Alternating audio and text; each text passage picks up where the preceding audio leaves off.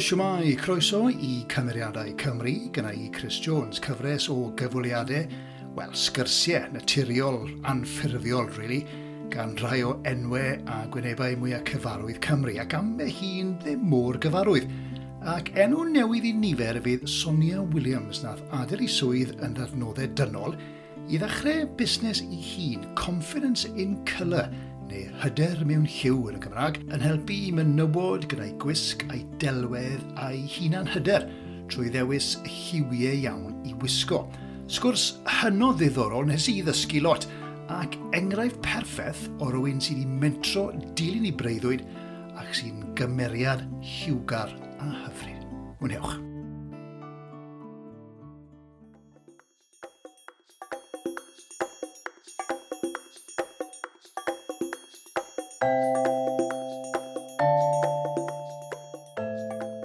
Sonia. Aia, ti'n iawn? Simai, ti'n clywed fi'n iawn? Ynddo, wytio ni, dwi jyst yn digau drws, a mae genna fi gi bach yn fama yn dechrau swnio'n yn barod. O ie, mae'n mynd e lawr, lawr grisiau fe, mae'n cyfarth ar y bryd. Yn i 81, mae hi le.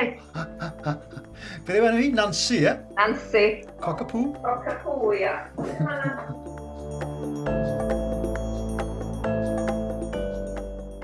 Wel, fy ngwraig gwadd wythnos hon ar cymeriadau Cymru yw rhywun dwi rioed wedi cyfarfod, hynny yw wyneb yn wyneb, ond Sonia Williams yw ei henw hi, a Sonia, croeso ti gyda gyd, gai ofyn ti gyda gyd, beth yw dy, beth yw dy, dy deitl swyddogol di o ran, o ran dy swydd? Yn Saesneg, dwi'n gwybod, beth, beth yw yn Gymraeg, gwed? Uh, Sonia Williams, hyder mewn lliw. Hyder mewn lliw, so confidence in colour, a ti'n ymgynghorydd lliw a stel, ie? Yeah. Yeah?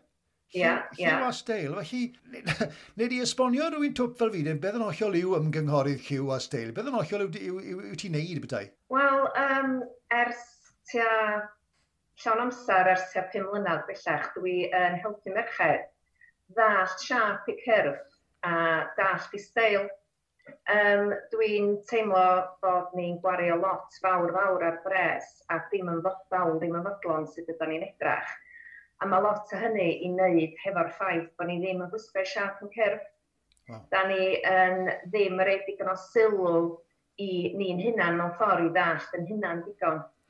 Mae'n so, swnio'n gymleth mewn ffordd. Ydy yw'n gymleth neu ydy yw'n wedi'n syml? Dim, diolch yn gymleth o gwbl, ond wrth gwrs mae'r siopa mawr mae'r consumers yn licio wneud o'n gymleth i ni oherwydd um, so, da ni'n gwario mwy yn y wlad yma ar wyllad ffasiwn na da ni'n gwario ar Premier League football. Na, really? Yndan, yndan. Ond wrth gwrs, da ni'n gwario lot, ond ddim o mond yn gwisgo 20 y cant o'n wardrobe, sa'ch di chdi dy hun, nid nos o'ch chi'n sbio ar faint o ddillad sgynnwch chdi, oh, ond faint o hynna ti'n wisgo. Ie, ie, ie, yeah, digon gwir. A, a ti'n mo, ti'n gweud i, i fercher i fenywod, wyt ti'n ti um, ymgynghori dynion hefyd, neu di hwnna'n bydd holl o wahanol? Ynddo, ynddo, na, dwi yn, um, dwi yn gweld dynion efo lliwiau. Mae'n amball i ddyn wedi gofyn i fi wneud i, steil, i steilio nhw, ond dydw i ddim yn... Dwi'n dwi, dwi gwybod, dwi'n wedi cychwyn gwneud hynna. Um, Ond nad yw e gwneud gynulliwa, mae lliwiau'n gallu gwneud gymaint o wahaniaeth i chdi. Ie. Yeah, nad dy mood, di. Ie, reit. Na, dwi eisiau siarad am, am lliw mewn eiliad ni, achos fi'n gwybod bod yna, ma fath o wyddoniaeth tu ôl mewn ffordd, ynddo, so fe ti'n gweud mae'n siwtio dy mood i. Ond gai weith ti gyntaf gyd, ti, ti ar Instagram, ar, ti ar Twitter, ti ar Facebook, ti wastad yn edrych mor stylish a mor smart. Wyt ti'n cael day off weithiau, Sonia, yn gweud, oh, sorry, dwi ddim yn mynd i'r ymdrech heddiw, just, just yn mynd i tyfod loungio yn y gwmpas. Wel, yn, yn dwi mewn ffordd, y peth ydi, classic style personalities gyda fi, Chris. So, mae o yna fi i roi ddillad efo'i gilydd. So, os dwi'n mynd allan ar ci am dro, dwi'n dal yn gwisgo'n lliwiau. I fi, os ti'n teimlo'n dda am beth ti'n wisgo trwy'r adag, mae o'n just cadw dy fwyd ti'n eitha positif, ti'n teimlo'n well am chdi dy hun. So, pan ti'n dal sydd i wisgo dy gorff, di o ddim yn anodd, mae be bynnag ti'n bigo i fyny o dy gwcwr neu o dy dror neu lle bynnag yn mynd i siwtio chdi. Ac os ti'n dall dy liwia, mae dy liwia, dy gyd yn mynd efo'i gilydd hefyd. Okay. So mae bob dim yn hawdd i roi dati gilydd, diolch yn anodd. Ond on hyd yn oed, fe ti'n gweud, mae'n allan ar cu am dro, petai ti'n rhoi lliw anghywir, be bynnag yw anghywir mae'n, ti'n ti gweithio fi bod ti ddim yn mynd i deimlo gystal wedyn a petai bod ti wedi roi'r lliw iawn mlaen? Ond meddyliau diwan, os ti'n mynd allan o tŷ yn bora, dim ond lle ti'n mynd a beth ti'n di wneud. Os ti'n sbio ar dy hun a ti'n teimlo yn o'r cem dan dy hun, yeah. mae'n mynd i wneud chdi deimlo well. Os ti'n mynd i roi rhyw hen bethau, edrach yn fler, um, ti'n mynd teimlo mor dda amdan dy hun.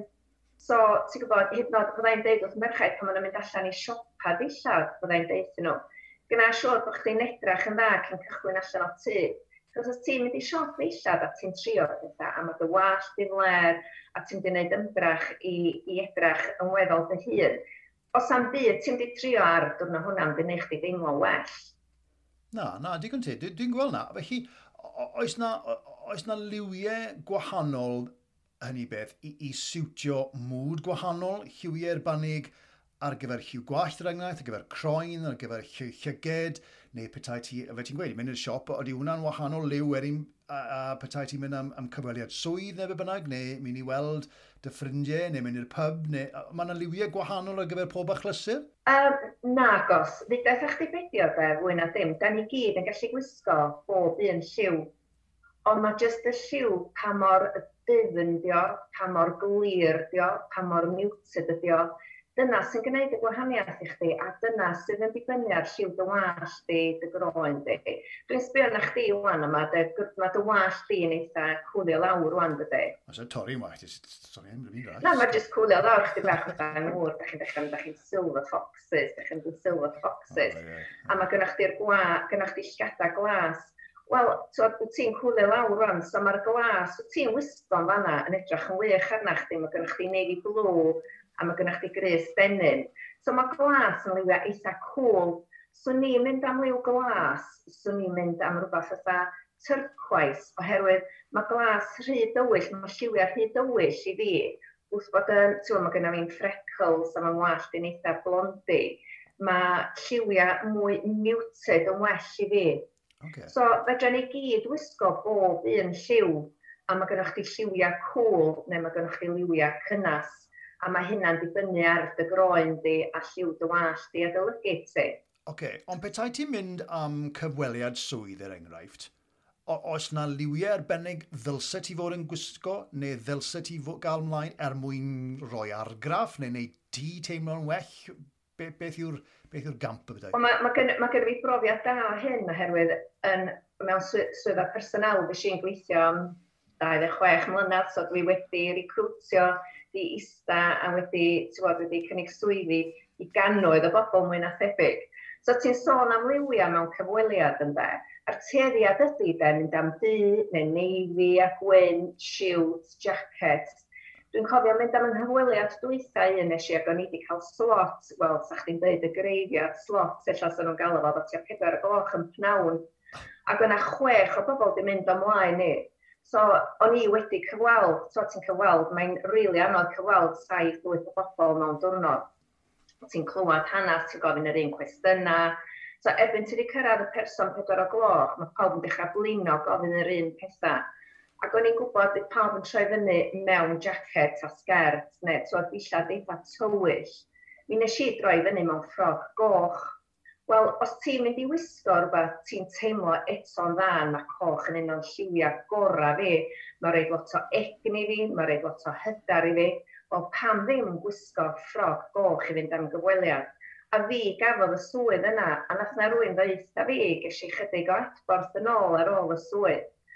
A be ddudodd, a dyn ddudodd o, it was like a breath of fresh air. You walked into the room and this colour walked towards us. Okay.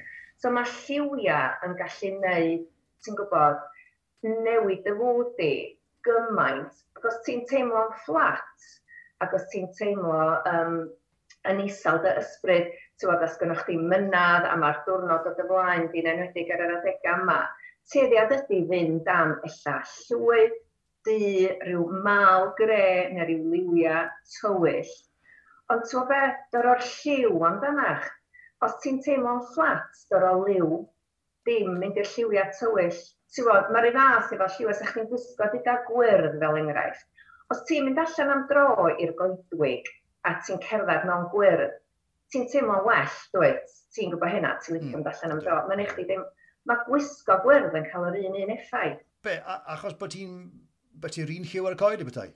Wel, am, am bo chdi yn teimlo, mae lliw yn uh, gwyrdd yn representio ti'n gwybod, um, lliwiau, uh, ti'n gwybod, lliwiau natur, right, okay. ti'n gwybod, cychwyn newydd, lliwiau sy'n neud chdi deimlo'n dda am chdi dy hun. Ie, yeah, mae yna ma sicr wyddoniaeth ynglyn â'r beth, yn ddos, o'n i'n mynd sylweddoli, ti'n bod, ond ydy, eto i gloedd, ydy, ydy menywod yn well na dynion yn gwisgo pethau lliw, os na fwy o, o ddewrder, os fwy o hyder gan fy newid i wisgof coch, a ti'n gweud, ti'n bod, dwi'n mynd nabod un dyn fysa'n troi i fyny i gyfweliad, yn gwisgo Cris Coch. Na, fysa'ch di ddim mewn dyn, ond sa'ch chi'n gallu gwisgo'r tei, fysa'ch chi'n cael tei, efallai fel mwy o liw yn efo. Neu efallai sa'ch chi'n cael Cris streipio coch a gwyn.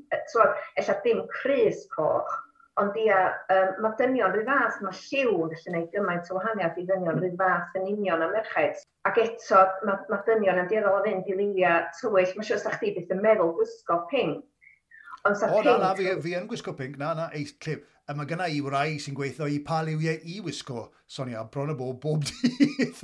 Felly dwi wedi dysgu tipyn, reit? Fi ddim nain i hwnna. Na, dwi yn gwisgo pink. Clyw, yna y ti'n sôn yn gynharach ynglyn â beth o ti'n neud o blaen y bethau, um, gael wedi ti un o llew ti'n reiddiol y bethau, a beth oedd y swydd ti cyn uh, ti ddechrau confidence yn colour yma? Wel, bob tro fe'n allan i siarad efo pobl, dwi bob amser yn dweud na merch o ben y groes dyffryn ansa dwi. Oh, right. So, mae'n ngwreiddio fi, er bod fi wedi byw yn dyffryn ogwen yn hirach, na dwi wedi byw yn dyffryn ansa. Dyffryn ansa di yng nghartra fi, ti'n gwybod? Um, ac pan eisiau adael ysgol, nes i Do'n i ddim yn licio'r ysgol a dweud y gwir. Do'n i yn... O'n i'n licio gweithio, ti'n gwybod, do'n i'n licio dysgu llawer. right. um, so, mewn ffordd, dwi wedi datblygu'n hwyrach yn fy mywyd. A dwi'n cofio mynd i weld um, swyddog gyrfaoedd y cyn i fi neud lefel o adeg yno. Ac o'n, i, o mam wedi bod yn dweud, os chi'n licio bod yn athrawes a hyn a llall, ac o'n i yn stream e yn ysgol, ti'n gwybod, ond dim yn y top a dim yn y gwylod. A dwi'n cofio mynd i weld y swyddog gyrfaoedd ac adag yno, doedden nhw ddim, ti'n gwybod, oedden nhw'n cael eu hyfforddi neu hynna. Oedd hi'n y ddynas oedd yn dysgu PE cynt. Oh, yeah, oh, yeah, yeah. Ac um, oedden nhw'n jyst yn chwilio am rhywbeth oedd i wneud ac oedd o ddim yn rhedeg rhwng ceia a, A dwi'n cofio mynd i weld ti, a dwi'n cofio hi'n gofyn i fi be o'n eisiau wneud. Ac oedd y ddynas ma'n aml yn siarad Gymraeg a Saesneg bob yn ail. Ac um, dwi'n cofio hi'n dweud beth be, be ti eisiau wneud, lle, a dwi'n cofio dweud, o, dwi eisiau bod yn athrawes coginio, mae hynna'n neud yng ngŵr chwerthin, um, oherwydd bod eisiau bod yn athrawes coginio. Ond um, dyna beth o'n eisiau wneud, ac o mam wedi bod yn twod, trio fi feddwl am beth o'n eisiau wneud efo mywyd. Lle. A dyma i'n sbio na fi, a'i geiriau hi fi, dwi'n o hwnnw oedd, oh no, no, mi you're not intelligent enough. Oh, God. A nath hynna sticio hefo fi, um, ti'n gwybod, am hir, a dweud y gwir, yn, yn, yn, yn, yn hen i. Ac nes i feddwl, wel, does am pwynt fi weithio i lefel o felly, os dydw i ddim digon clyfar i wneud hyn. Ys i adra, deith mam, a nath mam ddeud rhywbeth fath am, o, fe ddim di ddysgu teipio a neud be nes i wneud pan ddim gweithio mewn swyddfa. Okay. Lle swn i wedi bod yn hollol groes i fy merch fy hun heddiw yma, ti'n gwybod? Yeah, cenedlaeth gwahanol, Ac, um, amser so, gwahanol, ynddi? Ie, ie. So nes i, nes, nes i lwcus mewn ffordd, mi nes i lwyddo i gael saith o lefel heb wneud agor llyfr a nes i cael graddau reit da. Nes i fynd i coleg menau wedyn e, Gwynedd Tech, oedd yn gael ar y pryd, oh, yeah. a dysgu teipio. Wow. A um, nes i neud chdi sio tan math yna beth. Ond dyma chdi bygesh i wedyn, dynas arall yn y mywyd i. A dwi'n cofio hi'n dweud wrtha ni, uh, diwrnod cynta ni'n coleg menau, um, dydy fama ddim fath ar ysgol meddai. Um, fyddai ddim yr hydeg ar chola chi i chi wneud eich gwaith. Mae hynna fyny chi Mae beth ydych chi'n neud efo'ch bywyd i fyny chi. Chi di'r unig berson fedru y gymryd fatha cyfrifoldeb o'ch bywyd chi, beth ydych chi'n mynd i wneud a lle ydych chi'n mynd i'ch dyfodol. A nath y geinio gyna ddisgyn lot pellach na'r You're Not Intelligent yeah, yna. Yeah, ac o fan o mlaen, mi nes i ddechrau gweithio, ac dwi'n cofio pan nes i weithio, mynd i weithio i cyngor cefn gwlad, o'n i'n yn, yn, yn y geinia, um, a nes i mynd i weithio i swyddfa HR, Yn gyntaf oll, o'n eisiau modd bod yn gweithio cyngor cym gwlad, cos oedd o'n so, cwmni bach, uh, civil service oedden ni, oedden ni'n dod o dan yr er swydda Gymraeg pryd hynny, a nes i gychwyn dyddiau wedi'r corff gychwyn yn, yn ebrill 91, ac gyda ni, ges i y gyfle i recrwtio o 90 o bobl pan nes i gychwyn, a oedd ni fyny 700 a hanner. A fi fy hun, nes i gychwyn ar y gradd gwylod un yn y corff yna. A pan nes i, um, cyn i fi adael, o'n i'n bennaeth HR, sy'n dangos, os ti'n fodlon gweithio'n galad, a fel mae ngŵr yn deitha fi, o dwi'n drefnus, ddifrifol o drefnus, dyna dim ond sgiliau fi, bod fi wedi gweithio'n hun felly, ti'n gwybod, a fi cael y cyfleoedd gyda bobl oedd yn coelio yna fi ac yn gweld bod na rhywbeth yna fi, yeah. ti'n gwybod, i symud yn ymlaen a gallu gyrru ar gwrsus a bethau'n gwaith. Yeah, yeah. So, ti'n gwybod, mor bwysig ydy peidio gwrando bob amser ar y pobl sy'n deitha chdi. Bethau, ti'n gwybod, sy'n di daro chdi lawr trwy'n rhedeg yn da.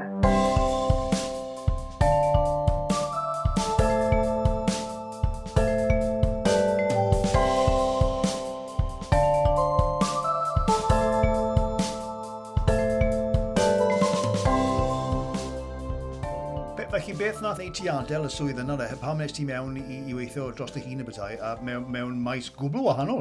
O, ie, yeah, gwbl wahanol. Wel, um, gys i wneud yn lliwiau'n hun pan o'n i'n 30, nath y chwaer brynu voucher i fi. Ac o'n i wedi gwirioni gymaint, nes i adra, a nes i ddeud, o, mae'r ma, ma lliwiau yma, dyma beth dwi eisiau gwneud, dwi eisiau dechrau busnes yn hun, dwi eisiau gwneud hyn wrth gwrs, o gynnu ni fortgage, o gen i job dda, o gynnu fi bensiwn, o gynnu fi wyliau, o'n i'n cael yn hawl os o'n i adron sal, ti'n gwybod? Hmm. A mae pethau fel yna'n dal chdi hefyd, yn dydy?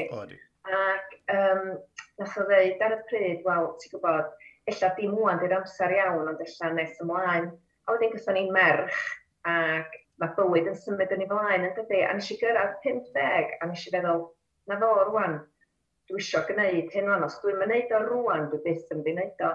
Ac oedd y sgiliau gynno fi o'r ochr HR yn mynd i helpu fi hefyd i wneud be o'n eisiau wneud. A dwi wedi bod erioed eisiau cael busnes yn hyn, sti, ers pan dwi wedi bod yn ferch ifanc, ti'n gwybod, o dan 20 oed wedi ffansio gwneud rhywbeth fy hun. Mm. Ond eisiau fynd i lawr i Llundan, um, o'n i'n 51, dwi'n meddwl, eisiau lawr i Llundan a eisiau gael, eisiau gwneud dau gwrs, wsos ar y lliwiau ac wsos ar y steil ar adegau gwahanol. A so, ges i fodd i fyw yn dysgu. Dwi'n cofio, pan eisiau gwneud y cwrs lliwio y diwrnod cyntaf ail ddynod, ffonio adra a dweud wrth bob dwi'n gwybod be, dwi wedi gwneud gwario'r holl bres yma, sgyn i'n syniad ddim yn dall. Ac ar y dim merchar, nes i ddod i ddall, do. A wedyn o'n i jyst wedi gwirioni, ti'n gwybod, o'n i eisiau dechrau busnes yn hyn. Yeah. A pan o'n i'n 54, ges i'r cyfle, dweud y gwir, o'na lot o redundancies yn dod i fyny Ac o'n i wedi dechrau diflasu ar yr holl bethau oedd yn mynd ymlaen, yr politics oedd yn mynd ymlaen yn y corff, oherwydd oedden ni wedi uh, dod at yn gilydd hefo um, yr Environment Agency a'r Forestry Commission ac Cyngor Cem Gwlad, oedden ni wedi dod â tri corff at ei gilydd, oedden ni'n un corff mowr. Ac oedden nhw wedi dod â pobl i mewn ilch yn penna ni yn HR oedd efo dim profiad pobl, delio efo pobl, um, na profiad HR, a fedrwn ni ddim gweithio efo pobl oedd yn deud fel yma, da ni'n neud pethau, ond gwneud pethau hollol wahanol i hynna. O, oh, mae hwnna'n canu cloch, sori, mae'n ma y stori di yn gyfarwydd iawn i fi. A lot o bobl sy'n ni'n meddwl, yr un oedran ni, achos ni'n ni, ni sort of yn yr un gynhedlaeth, ti'n meddwl, dwi dwi, dwi, dwi, deall exactly beth ti'n siarad am. Clew, um, cyn mynd ymlaen, gai ofyn i ti, um, yn gyntaf i, cwestiwn bach uh, dadleol falle, faint o bwysau sydd ar bobl menywodd yn arbennig i edrych yn, yn fabulous cant y cant trwy'r amser. Mod, ydy, ydy iach i feddwl fod rhaid edrych yn berffaith trwy'r amser. Fi'n siŵr bod yr, yr diwylliant Instagram ma wedi cyfrannu i tuag hwnna. Mae ma, merched eisiau edrych yn berffaith fel y slebs, fel y perfect picture drwy'r amser. Ond Ond lot o bwysau, ynddos, ar fenywod yn arbennig i edrych yn dda. Fe ti'n gweud, mi allan ar cu, mynd i Sainsbury's efo bynnag. Dwi'n bod bach yn defos advocate dwi'n gwybod bod ti'n newi, ti newi siarad ynglyn â hiwi yn bwysig, digon teg. Ond wyt ti'n gytuno os, na, os na tipyn o bwysau ar fobl? Gormod. Yeah. Lot, gormod. A ti'n gwybod, Sani, dwi'n mynd yn ôl wan i ddeud amser i chdi dy hun, i dda chdi dy hun, chdi bach. Y peth ydy, dydy'r merchaid mae'r Instagram, dyn nhw'n go iawn, sti maen nhw wedi ffiltro, maen nhw'n cael lot o ddillad am ddim o lefydd gwahanol, ac maen nhw yn, ti'n gwybod, mae gennyn nhw make-up artist, mae gennyn nhw'r holl bobl mae'n cwmpas nhw, dyn nhw'n enw dim hapusach na neb arall. Mae dallt y steil a dyliwiau yn neu chdi fwy hyderus yn chdi dy hun, a ti'n misio copio neb arall, ti'n misio edrach yn berffaith, ti eisiau edrach y fersiwn gorau na chdi dy hun, Di hynna ddim necessarily'n gwisgo colir na dim byd. Ac os ti'n fodlon mewn par o jeans a t-shirt a ti'n hapus, gret, ti'n gwybod? Mm. Da ni mangan reid y pwysau yna arna ni'n hynna. Dydy'r pobl mae ddim yn go iawn, Chris. Na, na, fi'n gwybod, ond mae yna bwys yna, dos, ti'n gwybod, gan i dar y ferched, a, a, a maen nhw yn teimlo'r pwysau, wel, falle ddim nawr, wedi tyfu fyny felly, ond yn sicr o'n yna gyfnod o'n nhw'n teimlo'r pwysau fod rai cael y trainers, ti'n gwybod, gorau fel oedd rhywun arall yn gwisgo neu'r neu'r got, neu'r jumper neu be bynnag, dwi'n dwi meddwl bod yna tipyn o'n bwysau ar fobl ifanc yn arbennig, ar ferched ifanc yn arbennig. Uh, felly, fine balance yw e, ynddo, ffindo'r balance na o fod y hun ac edrych yn stylish, ie? Yeah? Ie, yeah, y mindset ydi o, a dyna dwi'n drio dysgu i ferchau. Be da ni'n neud yn anffodus ysdi, ydy da ni'n canolbwyntio ar yr hanner o'r corff da ni ddim yn licio. Okay? So, ella bod dynas efo chydig bach o fol, dyna'r oll neu weld ydy'r fol. A be dwi'n drio wneud ydy dysgu nhw, oce, okay, be ti'n licio yn dy gorff, ac ella bod gen nhw goesa ffantastig, ella bod gen nhw freichia slim neis, canolbwyntio ar y pethau da ni licio yn hytrach na pethau da ni ddim yn licio. Mm. A dysgu triciau bach iddyn nhw sydd i guddiad y pethau dyn nhw'n licio. A mae'n hawdd iawn gwneud, munud ti'n dall be wneud, mae o mor hawdd sdi. Mm. A mae hynna'n tynnu'r pwysau wedyn o ddannyn nhw. A dwi'n gweld merched yn cofio dyna sydd wedi mewn i studio fi rhyw bedair blynedd yn ôl. Ac um, dyma hi'n dweud fi bod ti um, ddim yn licio mynd yn hen ac wedi gwallt ti'n wyn ac um, sbio na fi efo wrinkles. A dyma fi'n dweud, ti'n gwybod be, medda fi, Nes di gerdded i mewn i fama a dwi roed i dy weld ti o blaen. Yr oll nes i weld y dynas efo cheekbones ffantastig llygadau really clear glas a'r gwall gwyn hyfryd ma. A nath i just ddian na fi ac o'n i'n dweud, wel, ti'n gwybod, dyma ein fraint, cael mynd yn hen a dim ots be di dod ti. Ti'n trio meddwl amdan, ti'n gwybod, cael y pobl fatha Judy Dench fel enghraifft, neu Joanna Lumley, y merched ma sydd efo'r hydar, a maen nhw efo steil i hynna'n, dyn nhw'n copio neb arall a maen nhw efo steil hynna, a dim ots be maen nhw'n wisgo, maen nhw'n edrych yn dda, am bod nhw'n hyderus yn be maen nhw'n wisgo. Ie, yeah. ond profiad, profiad bywyd yw hwnna, ynddo, mynd, mynd yn hun, fel ti'n fel ti'n mynd yn hun, ti'n ti mario llai, ti'n ti, ti dod y steil dy hun falle, ie, achos ti'n bod, dwi wedi cyrraedd uh, 56 a dwi'n malio dim beth yn edrych. Wel, dwi yn malio beth fi'n edrych, ond dwi'n malio beth mae bobl yn feddwl ohona i erbyn hyn. Ie, yeah, mae hynna'n wir, ond mae hynna fyny i bobl sa chdi a fi gyfleu hynna i pobl fengach Hmm. A ti'n gwybod, mae'n rili really pwysig bod ni'n gallu gwneud hynna. A be dwi isio, be dwi'n drio wneud ydy trio gweithio fo merchaid fengach hefyd ar Instagram. Dwi wedi cael lot o merchaid fengach yn anili ni. A dwi'n meddwl, os fedra i ddysgu merchaid yn ei 30, mae nhw'n di ddysgu merchaid nhw'n dydy. Yeah, yeah. Fel bod ni'n tynnu'r pwysau yna fwy. Cos o ddysgu, mae o gyd yn dod o fe. Yeah, Ti'n gwybod, os na i ddeud wrth rwy'n digon, ti'n gwybod, um, ti'n cario gormod o bwysau, er bod nhw ddim, maen nhw'n mynd i goelio hynna'n diwedd. Os dwi'n mynd i ddeud wrth rwy'n digon o ti'n ddrifa'r gwael, ti'n mynd i goelio hynna'n dweud. Ie, yeah, digon gwir. Na, digon gwir. Fe, fe ti'n gweud, mae e gyd a, a, a profiad bywyd a, a fe, be ti ddysgu mewn bywyd a fe ti'n gweud, mae yna ma, na, ma gamp iddo fe, mae yna ma ma ma fine line dwi'n meddwl, ond mae e'n bosib, fe ti'n gweud. Hey. Yndi, a mae hynna fo hydar ysdi, Chris, a reid hydar i'w plant os fedri di roi cydar i dy blentyn, dyna di'r peth gorau fedri di roi iddyn nhw. Dyn ni'n angen yr holl stwff, yr holl ddillad, jyst yr hydar i wisgo, ti'n gwybod, be maen nhw'n gyffyrddus yn lle. No, cytuno, cytuno, llwyr, cant y cant o'n sicr.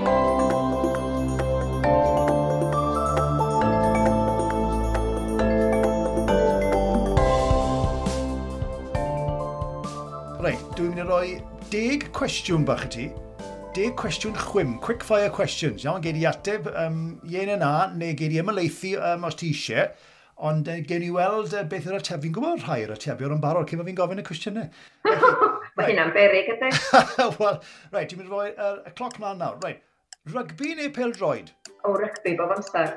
Oce, okay, merch y gogledd ddim pel droed? Na ci.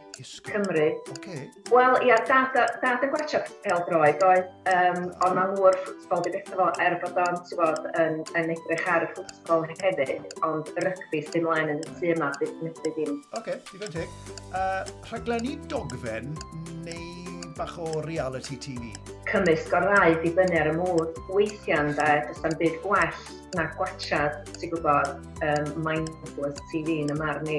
Ond eto, dwi yn licio gwachad okay. documentaries a bethau felly hefyd. Ti'n ti mynd gwisgo lliwiau arbennig i wytio'r rhaglenni arbennig ar dileni, chwaith ti? Na, do. Na. Ond mae gynno fi, gynno fi ddressing gown sydd yn edrych yn dda ni, y lliw. Right. okay. uh, gwyn gwyn neu gwyn coch? A, mae'n dibynnu beth sy'n gael ei fita. Um, mae siwr na gwyn coch sy'n ei bigo gynta, ond fel mae'r tywydd yn mynd yn braf sy'n mynd am y gwyn gwyn. Oce, okay, na digon teg. Cerdded yn y mynyddoedd neu cerdded ar draeth? Oh. Ac eto, os ti isio, wel, codi calon mynd at y môr yn da. Oh, yeah. Dwi lwcus yma yma yn y flwyddyn dwytha, so na wedi gyfer wrthnosau dwytha, da ni wedi methu trafeilio o yr ardal da ni'n byw. Na ond mae gynnu fi afon ogwen lawr lôn a na'i mynd lawr i fanno a na'i wrando ar y dŵr y fanno. Um, mae mam wrth i bod yn ddilan y môr a fyddai'n gael hyd i nas dynlla'n aml mond i edrych ar y môr a gwrando a mae yna rhywbeth really nice does yn gwrando ar twr y môr. Wel, dwi'n byw carreg, uh, tafliad carreg o'r môr, felly dwi'n dwi lwcus dros ben. Fi'n fi gweld ti ar Instagram allan efo'r ci. Bron y bob, bob dydd ti'n ti, ti, ti cerdded yma. Bob dydd. Ie, bob dydd. Uh, ti'n berson bore neu berson nos? O, dwi'n faes di. Dyna di'r broblem yn aml iawn. Reit, oce. Okay. Uh, okay. Na, na, ffain, dim problem. Be sy'n... dy... O, beth yna i e? beth yw'r gair go... Beth sy'n dywylltio di? Beth sy'n dywylltio di fwyaf? Corddi fydden ni'n gweud yn gorllawi'n Cymru. Beth sy'n dywylltio di? Politics, mae rai fi gyfadda. O, ie, yeah, na, you don't do politics. Ia, yeah, weiddi ar y teledu weithiau, dwi'n mylicio'r Conservatives yma. O, wel, na, na, ti'n gwybod teg. ti'n gwybod teg hynny am Conservative, ti'n gwybod teg. Um, eto fi'n gwybod yr ateb i hwn, cwn y cathod? Licio cathod, mae mam efo dwy gath. Oh, okay. Cathod, nath ni gael yn dwy ni fyny. Ac pan o'n i'n, dwi'n gwybod, 26-27, um, nath na gi cerdded stryd Bangor, nath yn hwyr a fi bigo hi fyny. Uh, neb pia hi, neb isio hi, ac dyna lle nes i ddechrau cael ci, oh. a hi oedd yn hi cyntaf fi. Ie, yeah, so dwi ar yn rhydydd ci rwan. O'n i'n mynd i weid, ma, ma, beth yw enw'r ci eto fi newydd weld y ci, Nancy, e? Nancy, ie. Yeah. Cockapoo, ie, yeah, mae cockapoo yn boblogaidd dros ben, bydden ni heb yng nghi, bydden ni, wel, bydden ni'n blotach beth yw dy... O, gyda gi, ten y coffi. O, dwi'n efo coffi ar y funud, ond hogan panod o de, dwi'n mynd i'n iawn. ti rili really yn... Ti bach o bob peth, sitting on the fence, go iawn yn sonia, ti rili yn bach...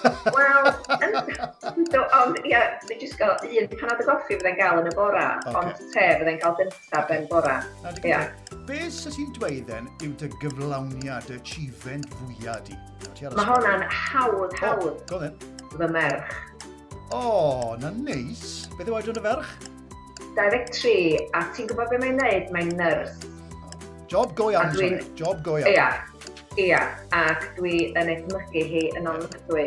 Um, da ni'n cael lot o hwyl, um, mae hi'n gymeriad, ac ia, dwi ddim modd bod yn ei chwmni hi. A mond fi, tywed, Paul fi a hi, mond hi gyda ni.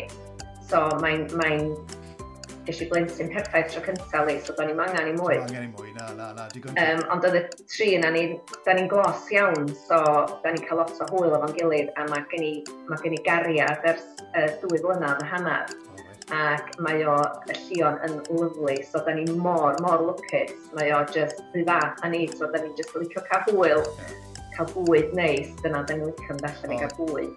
Ia, so hi, ia, Ond dwi yn, dwi yn eitha prawd o musnes hefyd, oherwydd um, dwi'n cael y cyfle rwan i wneud beth dwi isio. Dwi'n yn gorfod cael neb yn deitha fi beth dwi'n gorfod wneud, neu os dwi'n isio wneud rhywbeth gen i wneud pethau'n ffordd fi fy hun. Yeah. Er, ti'n gwybod, fi sy'n lwcus iawn iawn yn y mywyd gwaith, swn i'n deud, mond yr flwyddyn a hanner olaf, o'n i ddim yn hapus So dwi'n yn meddwl bod fi'n lwcus iawn yeah. um, o hynny, ti'n gwybod? Yeah, Ond ia, ond ia, fy merch. Dwi, dwi, dwi, dwi, dwi wedi bod yn yr un sefyllfa, ti'n gwybod, sy'n di gwaith yn bod anhapus yn dy waith, felly, na. Uh, gwesti moethus neu bwthyn bach moethus? Dwi'n byw mewn bwthyn. So, o, so ti'n mynd ar wyliau edrych, ti'n mo? Swn i'n mynd ar wyliau. Oh, eto, ti'n gwybod, ti'n drefi nôl ar y ffens, dwi'n dwi modd mynd i hotels neis, a mae'n ma ngwr a fi licio gwneud um, mynd, da ni, yn mynd, da ni wedi bod yn mynd trwyddodd y Welsh Rabbit yn hotel yn Gymru. Ie, nefyd. Da ni wedi gwneud lot o hynny, a wedyn o'n nhw'n dod ben newydd allan bob blwyddyn, a wedyn oedden ni'n cael, ie, so da ni yn licio'r gwestai yn Gymru ond hefyd, ti'n gwybod, da ni'n licio mynd i Airbnb hefyd, a mynd efo ffrindiau, yeah. a mynd i gerdded, da ni'n mynd i werddon am wstos i gerdded, da ni wedi bod yn aros tŷ yn Bedd Gelart, a mynd i gerdded rond yr ardal yna, hanner awr o tŷ, ond ti'n gwyliau go iawn, da. Ysgol, ie, oce. Okay. A ac yn ola then, pryd oedd y tro diwetha nes ti ddawnsio, Sonia? Dyna'n dawnsio rownd y kitchen yn aml, yn gwrando radio 2, bydda. Pawb yn dweud e? Pawb dawnsio yn y gegin. Ond be, beth am dawnsio tu allan ar gegin y bethau? Stafell fyw, byddai'n dawnsio fan o hefyd. Um, Oce, tu allan ar tŷ dden? Tu allan ar tŷ? Ynddo, os ai barti yn amlwg dwi'n di bod yn ddiweddar, ond ia, swn ni'n dawnsio trwy nos, Chris. O, oh, reid, oce, okay. da iawn. Trwy nos, faswn, a neud dal wneud, dim ots gyda fi pwy sy'n dawnsio, a neith y merch dawnsio efo fi, so dwi'n codi cwilydd â ni mae rai.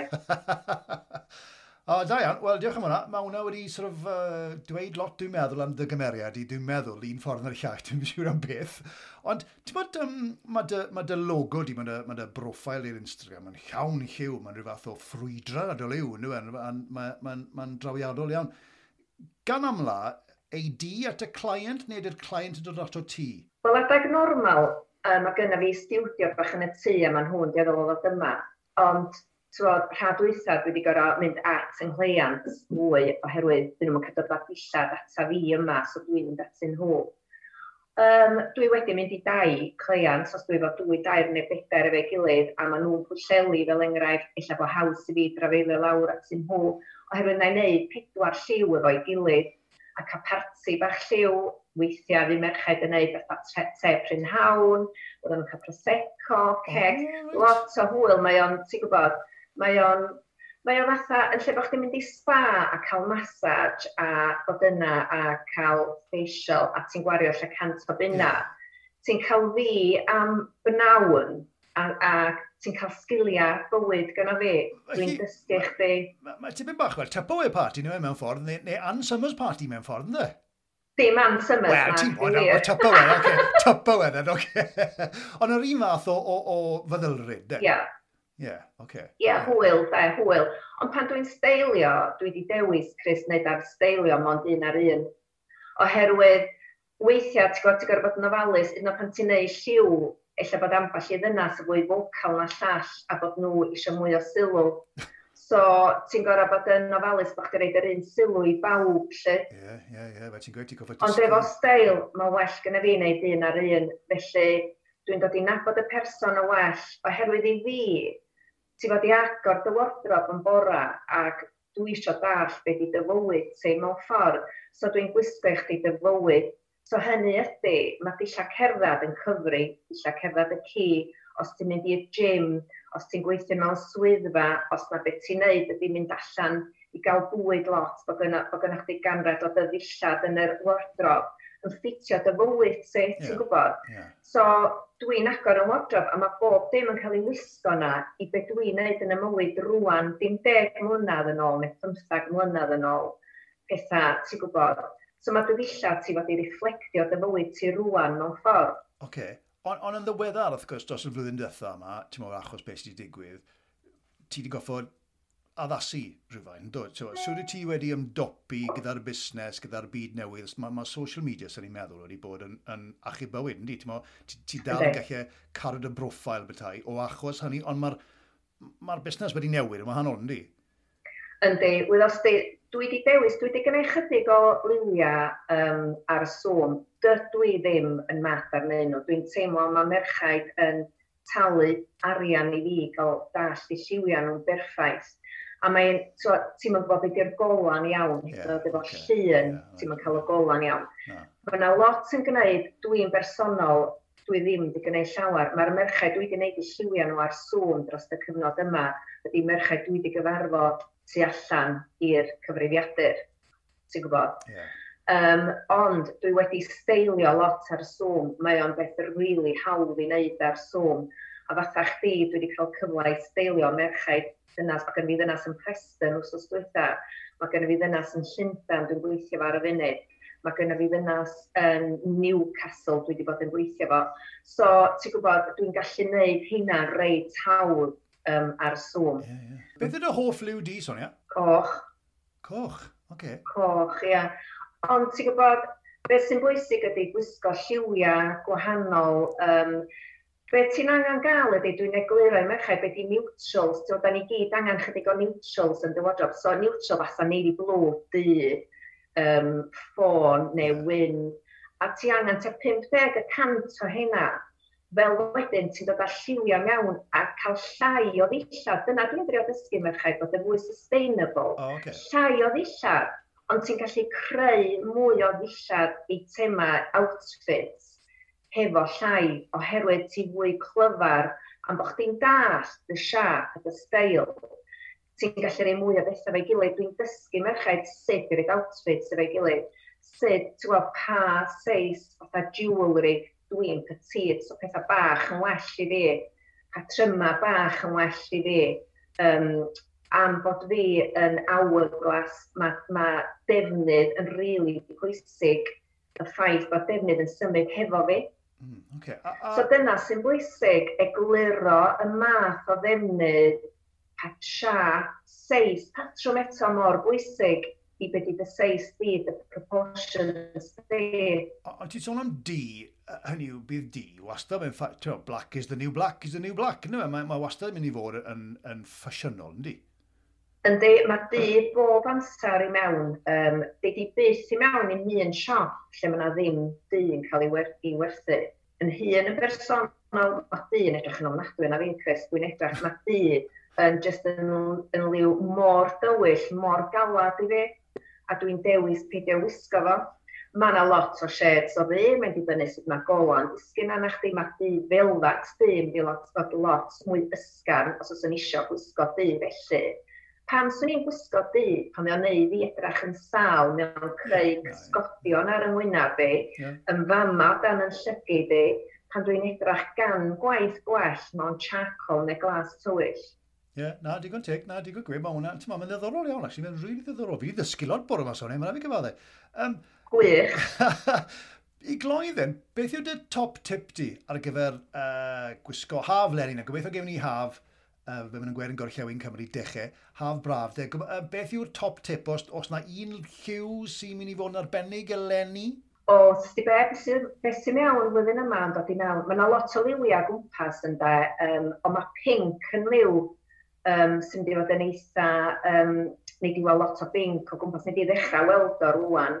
So, pink, ia. Yeah. So, swn i'n mynd am pink, dydy rhywbeth fatha cerise pink neu rhywbeth um, bright, clear pink ddim yn mynd i wneud i fi, na un byd pastel. So i fi, dwi'n edrych yn well mewn salmon pink neu pink mwy meddal. Okay. So rhyfedd i chdi ddeud, o'n i'n sbio'r ffrog pink, chydig bach yn ôl, ac yn meddwl, byn ai, na i odro rhywbeth pink. Um, Cos, ti'n bod, ti'n mynd gorfod gwisgo i ffasiwn, ti'n mynd gorfod gwisgo i siarad y gorff, di peth gorau cos mae ffasiwn i mewn ac allan trwy'r adeg. Yeah, yeah. Ond os ti'n gwisgo siop y gorff, ti'n gwybod, wedyn fedri di adio illa sgarf pink sy'n dod ar trend pink i mewn. Ac ella bod chdi'n gwario llawer ar y sgarf yna, ond mae'n just cadw chdi chydig bach mwy trendy da. Ond on, on os ydy'n siarp dy gorff di yn newid gwed o flwyddyn i flwyddyn, neu gwed bod ti, ti'n mo, yn newid siarp dy gorff di, ydy hwnna'n meddwl bod ti gael wardrobe gwahanol, y lliwi gwahanol? dim lliwiau nac di, um, mae lliwiau, os di lliw dy wallt di newid, a da gynno mae dy liwiau ddim di newid. Efo siarad dy gorff, ynddo, meddwl di rwan, fel enghraifft, os dda ni bod y sgwydda di yn llai llydan na dy hips di, a bod chdi fatha chat triangle lle. Mm. Os ti'n rhoi pwysa ar, di hynna mae'n mynd i newid, ti'n mynd i gario ymlaen ydy mwy o bwysa ar dy hip. Os di dy sgwydda di lot mwy llydan na dy hips di, fatha os ti'n rwy'n synofio lot, os ti'n rhoi pwysau ar dy hynna, mae'n mynd i newid na chdi. Na, na, na, digon ti. O, oce, okay, wel, ti'n ti sôn. Ond, os ti'n awr glas a ti'n rhoi lot o bwysau ar a ti'n colli dy ganol, a da gyna mae dy siap yn gallu newid. Right, okay. Ac yn aml iawn, ti'n gwybod, fel merchaid, da ni'n mynd trwy lot o newidiadau bywyd fel, ti'n gwybod, da ni'n cael plant, mae siap ni'n newid, fel da ni'n mynd trwy'r menopause, mae siap ni'n newid. A fel da ni'n mynd yn hun, da ni'n rei mwy o bwysau rownd y canol. Um, ti'n gwybod, so ffeindio defnydd wedyn sy'n helpu chdi fo hynna. Peidio cael pethau allan sy'n clinio gormod. Ac be mae merchaid yn gwneud yn aml, sa'ch chi'n synnu, ond prynu dillad sy'n rhy fawr iddyn nhw ste. Er mwyn cuddiad i sia, maen nhw'n prynu dillad sy'n eich un seis yn rhy fawr. Okay sy'n neud nhw edrych lot mwy nag ydyn nhw. Ydyn nhw, ie. ie. O, mae hwnna, dda trist nhw yn y ffordd Uh, Beth am y dyfodol y Sonia? Fi'n gwybod bod hi'n anodd iawn i, uh, i wneud cynlluniau falle pendant ar hyn o bryd, ar mae pethau wedi newid erbyn hyn bach. Falle. Ond beth yw'r dyfodol? Lle sy'n ti'n lycio gweld y hun gyda'r gyda busnes y bethau? Dwi jyst eisiau dal gweithio hefo merched. Dim ots beth i oed nhw, i newid mindset nhw er mwyn yn nhw caru siarad i corff. Ti'n gwybod? Mm da ni, da ni, da ni mor lwcus os da ni'n iach, gallu cadw'n iach, gallu cadw'n ffit. A gallu teimlo well amdan yn hynna'n trwy bod y fwy positif amdan ni'n hynna'n So, yn lle bod y llais bach yn y pen yn dweud, so dwi'n licio mol, neu mae gen i fi ormod y bwysau ar ymhen ôl, neu beth yna. Bod ni'n canolbwyntio ar beth da ni'n licio, so newid y mindset yna i licio beth ti weld o dy flaen. Trwy wneud hynna hefo lliwiau ac ti'n gwybod, um, gwisgo dillad sydd yn siwtio siap dy gorff di a dall beth ydy dy steil di, ddim steil rhywun arall. So, os oes gynna fi ddeg dynas ymlaen yma ar y ddeg, mae'n yn yr un un ffrog, mae'n ei gyd yn ddiwisgo'r ffrog yna mewn ffordd gwahanol. Right, okay. Yeah. A ti'n gwybod, dyda ni gyd yn gallu, ddim yn gallu gwisgo'r un un ffrog, dyna di'r gwirionedd o'n efo. Na, na. na, na. Yn hynny o bethau, lle mae bobl yn cael gafel yn y tŷ o ran uh, dy fusnes, um, sy'n safle we gyda ti dwi'n meddwl, e? ond ti, ti ar social media, wyt? Dwi ar, dwi ar Facebook ac Instagram, a dwi wedi cael lawer i berson busnes yn dweud, ond mae'n rhaid gael wefan. Wel, hyd yma, Chris, dwi wedi gorfod cael wefan. Um, mae busnes i wedi dod i mewn drwy unau pobl yn sôn amdana fi, neu social media, dwi erioed wedi hysbysebu yr hysbyseb gorau sy'n fi i fi fy hun. Right. A dwi wrth y môr mynd allan a siarad efo merched eraill. Ac os fydda i fynd i gyda merched y wawr a wneud un person deimlo'n well amdani hi hun dwrnod wedyn, dwi wedi gwneud rhywbeth, ti'n gwybod, yeah, dwi eisiau gwneud. Lle. Yeah, yeah. A, so felly, lle mae bobl yn gael beth yw dy, dy, dy handles di, ysgrifennu di? yn handlu, ydy Sonia Williams, Confidence in Colour. Mae'r mwy rhwydd yna, a ti ar Instagram yn arbennig, a Twitter a'r Facebook, gwyd? A mae'r llun Instagram da ydy rwy'n sydd wedi gyrru hwnna i fi wedi pigo un o'n lliwiau fi fyny.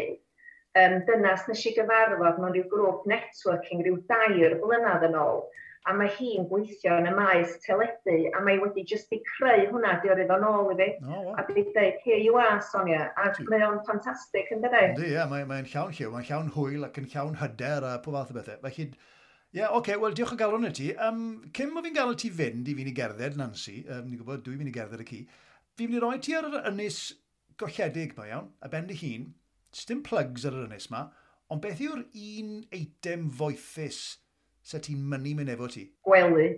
Gwe... ti'n lwc yn y wely, wyt? Yndi, byddai'n deithio'n ngŵr yn aml, ti'n gwybod, fatha lle gorau yn y byd, yn dydy? Yeah okay, gwely. Felly, gyd As long as bod chdi'n stuck yna, ynda.